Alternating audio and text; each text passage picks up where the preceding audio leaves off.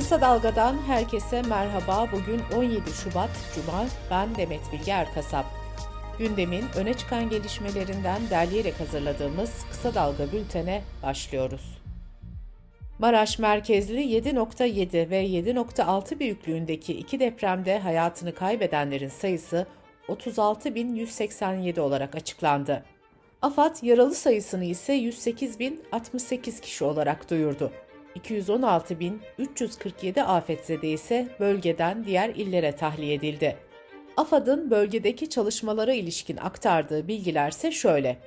Bakanlıklar ilgili kurum ve kuruluşlarla uluslararası ülke ve kuruluşlar tarafından 283.410 çadır sevk edildi. Bunların 172.225'i kuruldu. Bölgeye 54.297 de konteyner gönderildi.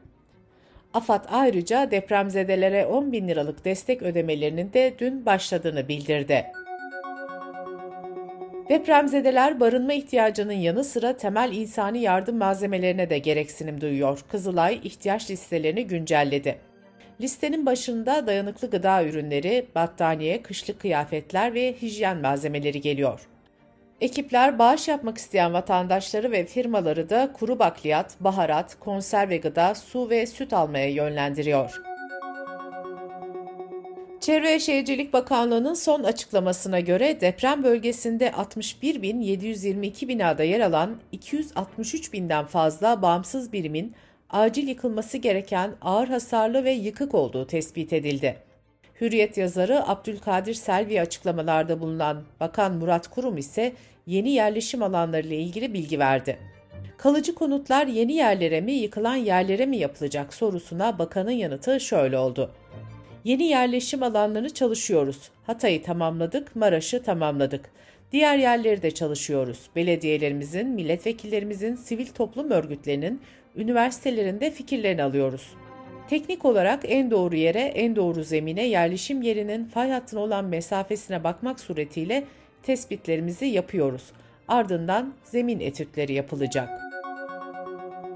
Bu arada CHP Hatay Milletvekili İsmet Tokdemir ise 2020 yılında Hatay'da olası bir deprem karşısında alınan önlemlerin neler olduğunu bakan kuruma sorduğunu ancak soru önergesine yanıt verilmediğini söyledi. Bakan kurumun istifasını isteyen Tokdemir yanıt verilmediğini açıkladığı önergesinde şu soruları yöneltmişti.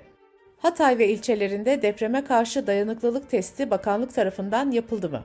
Toplamda depreme dayanıklı ve riskli bina sayısı kaçtır? Kaç okul, hastane ve kamu binası olası bir depremde risk kapsamındadır? Deprem bölgesinde enkaz kaldırma çalışmaları başlarken uzmanlardan asbest uyarısı geldi. Kanserojen bir mineral olan asbest ısı ve ses yalıtımı için ev yapımında da kullanılıyor. Bölgedeki yıkım nedeniyle asbestin solunmasının da sağlığa zararlı olacağı belirtiliyor. Asbest Söküm Uzmanları Derneği Başkanı Mehmet Şehmuz Ensari şunları söylüyor. Depremde yıkılan yeni yapılar olsa bile çoğunlukla eski yapılar var. Bu yapıların içinde de asbest ve diğer tehlikeli maddeler bulunuyor. Profesör Doktor Tevfik Özlü'nün uyarıları da şöyle. Enkaz kaldırma ya da depremzedeleri kurtarma sırasında ortaya çıkan inşaat tozunun solunması bazı mantar enfeksiyonlarının akciğerde yerleşmesine neden olabilir. Kronik bronşit, koah, astım sorunları olanlar olabildiğince tozlu ortamlardan uzak durmalı. Profesör Doktor Ahmet Ercan ise asbest ve kanser ilişkisine dikkat çekerek molozların sızdırmazlık çukurlarına gömülmesi gerektiğini belirtiyor. Yıkım Müteahhitleri Derneği'nin eski başkanı Mehmet Ali Bulut ise bölgede asbest uzmanlarının görevlendirilmesi gerektiğini söylüyor. Radyo ve Televizyon Üst Kurulu'nun deprem yayınlarını değerlendirmek üzere bugün bir toplantı yapacağı belirtiliyor.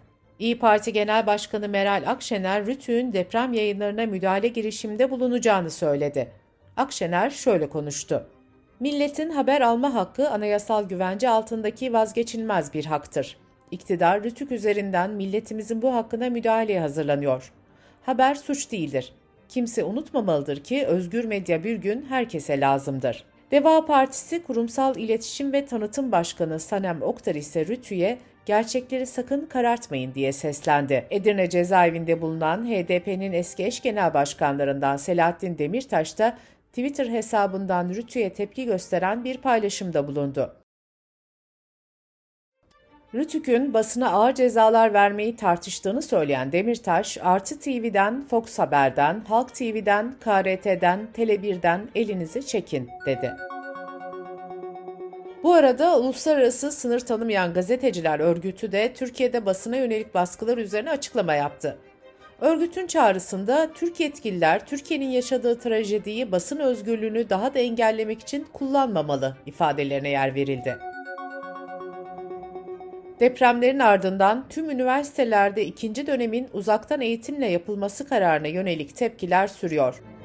ODTÜ öğrencilerinin öncülüğünde farklı okullardan 460 öğrenci kulübü, üniversitelerdeki uzaktan eğitim kararından vazgeçilmesi için imza kampanyası başlattı. Adalet Bakanlığı Avrupa İnsan Hakları Mahkemesi'ne mektup göndererek depremden etkilenen kişilerin mağduriyet yaşamaması için mahkemenin süreleri askıya alması çağrısında bulundu. Kısa Dalga Bülten'de sırada ekonomi haberleri var. Depremzedelere yardım toplamak için televizyon ve radyolarda Türkiye Tek Yürek sloganıyla önceki gece ortak yayın yapıldı. Yurt içi ve yurt dışından ulusal ve uluslararası 213 televizyon ve 562 radyonun katılımıyla yapılan 7 saat süren ortak yayında 115 milyar liradan fazla bağış toplandı. 9 milyon adedi aşkın SMS gönderildi. Sanatçılar, siyasetçiler, kurumlar, yurttaşlar yayına bağlanarak bağış yaptı. Kamu kurumlarının yaptığı bağışlar gecenin tartışma konusu oldu. Merkez Bankası'nın deprem yardımı kampanyasına 30 milyar lira bağışlaması bu para nereden karşılanacak, para mı basılacak sorularını gündeme getirdi. Merkez Bankası'nın bir yetkilisi ise bağışın bankanın 2022 bilançosu karından karşılanacağını söyledi. Gelir İdaresi Başkanlığı ise dün bir açıklama yaparak deprem bölgesine yapılan nakdi yardımların şirketlerin vergilerinden değil matrahlarından düşeceğini bildirdi. Gelir İdaresi Başkanlığı'nın açıklamasında şöyle denildi. Konuyu basit bir örnekle anlatmak gerekirse 100 bin lira kazancı olan bir kurum 20 bin lira AFAD'a bağış yaptığında kazancından 20 bin lirayı indirecektir. Kalan 80 bin lira üzerinden %20 oranında hesaplanan 16 bin lira kurumlar vergisi ödeyecektir. Özetle vazgeçilen vergi tutarı 4 bin liradır. Cumhurbaşkanı Erdoğan'ın bankaların depremzedelere 50 milyar liralık yardım tahsis edeceğini duyurmasının ardından Türkiye Bankalar Birliği de bankaların yapacağı desteklere ilişkin yol haritasını açıkladı. Buna göre haciz, icra, takip gibi idari uygulamalarla ilgili olarak tüm alacaklar için takip başlatılmayacak. Haciz uygulanmayacak ve icra satışı gibi işlemler yapılmayacak. Yapılandırılmış alacaklarda ödeme süresi faizsiz olarak ertelenecek. Müşteri hesaplarında bulunan takip blokeler kaldırılacak ve vadesi geçen krediler için idari yollarla da olsa aktif bir tahsilat çabası girişiminde bulunulmayacak. Deprem bölgesinde on binlerce binanın yıkılacağının açıklanmasının ardından yıkım ve enkaz kaldırma maliyeti de gündeme geldi. Ekonomi gazetesinden Leyla İlhan'ın haberine göre en az 50 bin bina düşünüldüğünde yıkım ve enkaz kaldırma faturası ilk etapta 12 milyar lira olarak hesaplanıyor. Avrupa İmar ve Kalkınma Bankası depremlerin Türkiye muhtemel ekonomik sonuçlarına yönelik bir değerlendirme yaptı. Banka, deprem sonucunda ortaya çıkan kaybın ülkenin gayri safi yurt içi hasılasının %1'ine ulaşabileceğini duyurdu. Banka ayrıca Türkiye'nin 2023 yılı büyüme tahminini 3,5'tan 3'e revize etti. Bu yıl yapılacak seçimlere de dikkat çekilen raporda ekonomide önemli bir kırılganlık olabileceği belirtildi. Dış politika ve dünyadan gelişmelerle bültenimize devam ediyoruz. NATO Genel Sekreteri Stoltenberg dün Ankara'ya geldi. Dışişleri Bakanı Mevlüt Çavuşoğlu ve Stoltenberg Ankara'da görüşmelerinin ardından kameraların karşısına geçti. Bakan Çavuşoğlu dayanışma ve destek için teşekkür ederken Stoltenberg ise depremin ittifak topraklarındaki en büyük afet olduğunu belirtti. Toplantıda İsveç ve Finlandiya'nın NATO üyeliği de gündeme geldi. Çavuşoğlu, olumlu atılan adımları inkar etmiyoruz. Ama İsveç bu mutabakat zaptının yükümlülüklerini tamamen yerine getirdi demek gerçekçi bir yaklaşım olmaz dedi. Stoltenberg ise iki ülkenin önemli adımlar attığını düşündüğünü belirterek ben onaylama zamanlarının geldiğine inanıyorum diye konuştu. İsveç ve Finlandiya Rusya'nın Ukrayna'ya saldırmasının ardından NATO üyeliği için resmi süreç başlatmıştı. Her iki ülkenin de Türkiye'nin onayına ihtiyacı var. İsveç'te Kur'an yakma eylemine izin verilmesinin ardından Cumhurbaşkanı Erdoğan bu ülke için onay verilmeyeceğini söylemiş, Finlandiya için ise açık kapı bırakmıştı. Deprem bölgesine uluslararası yardımlar ve dayanışma mesajları devam ediyor. Amerika'da Joe Biden yönetiminin depremin hemen ardından duyurduğu 86 milyon dolarlık yardım paketinin yanı sıra özel şirketler ve sivil toplum örgütleri depremzedeler için 50 milyon dolarlık yardım yaptı.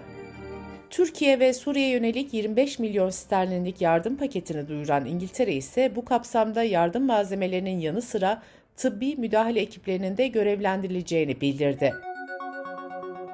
Kanada hükümetinin başlattığı 1 dolara 1 dolar kampanyasında en az 20 milyon Kanada dolarının toplanması bekleniyor. Hollanda'da ise Türkiye ve Suriye'deki depremzedeler için yardım kampanyası yapıldı. Hollanda'daki televizyon kanallarının yaptığı ortak yayın sonrası yaklaşık 89 milyon euro bağış toplandı. Dünya Sağlık Örgütü ise şu açıklamayı yaptı. Türkiye ve Suriye'ye depremle mücadelede yürütülen çalışmalar için 43 milyon dolar değerinde destek çağrısı başlattık. Bu miktar günden güne artıyor. Bağışçıları cömert olmaya davet ediyoruz. Türkiye'deki yerel otoriteler, ortaklarımız ve sağlık çalışanlarıyla birlikte çalışacağız. Depremlerin ardından Almanya ve Belçika depremzedeler için vize kolaylığı uygulayacağını duyurmuştu.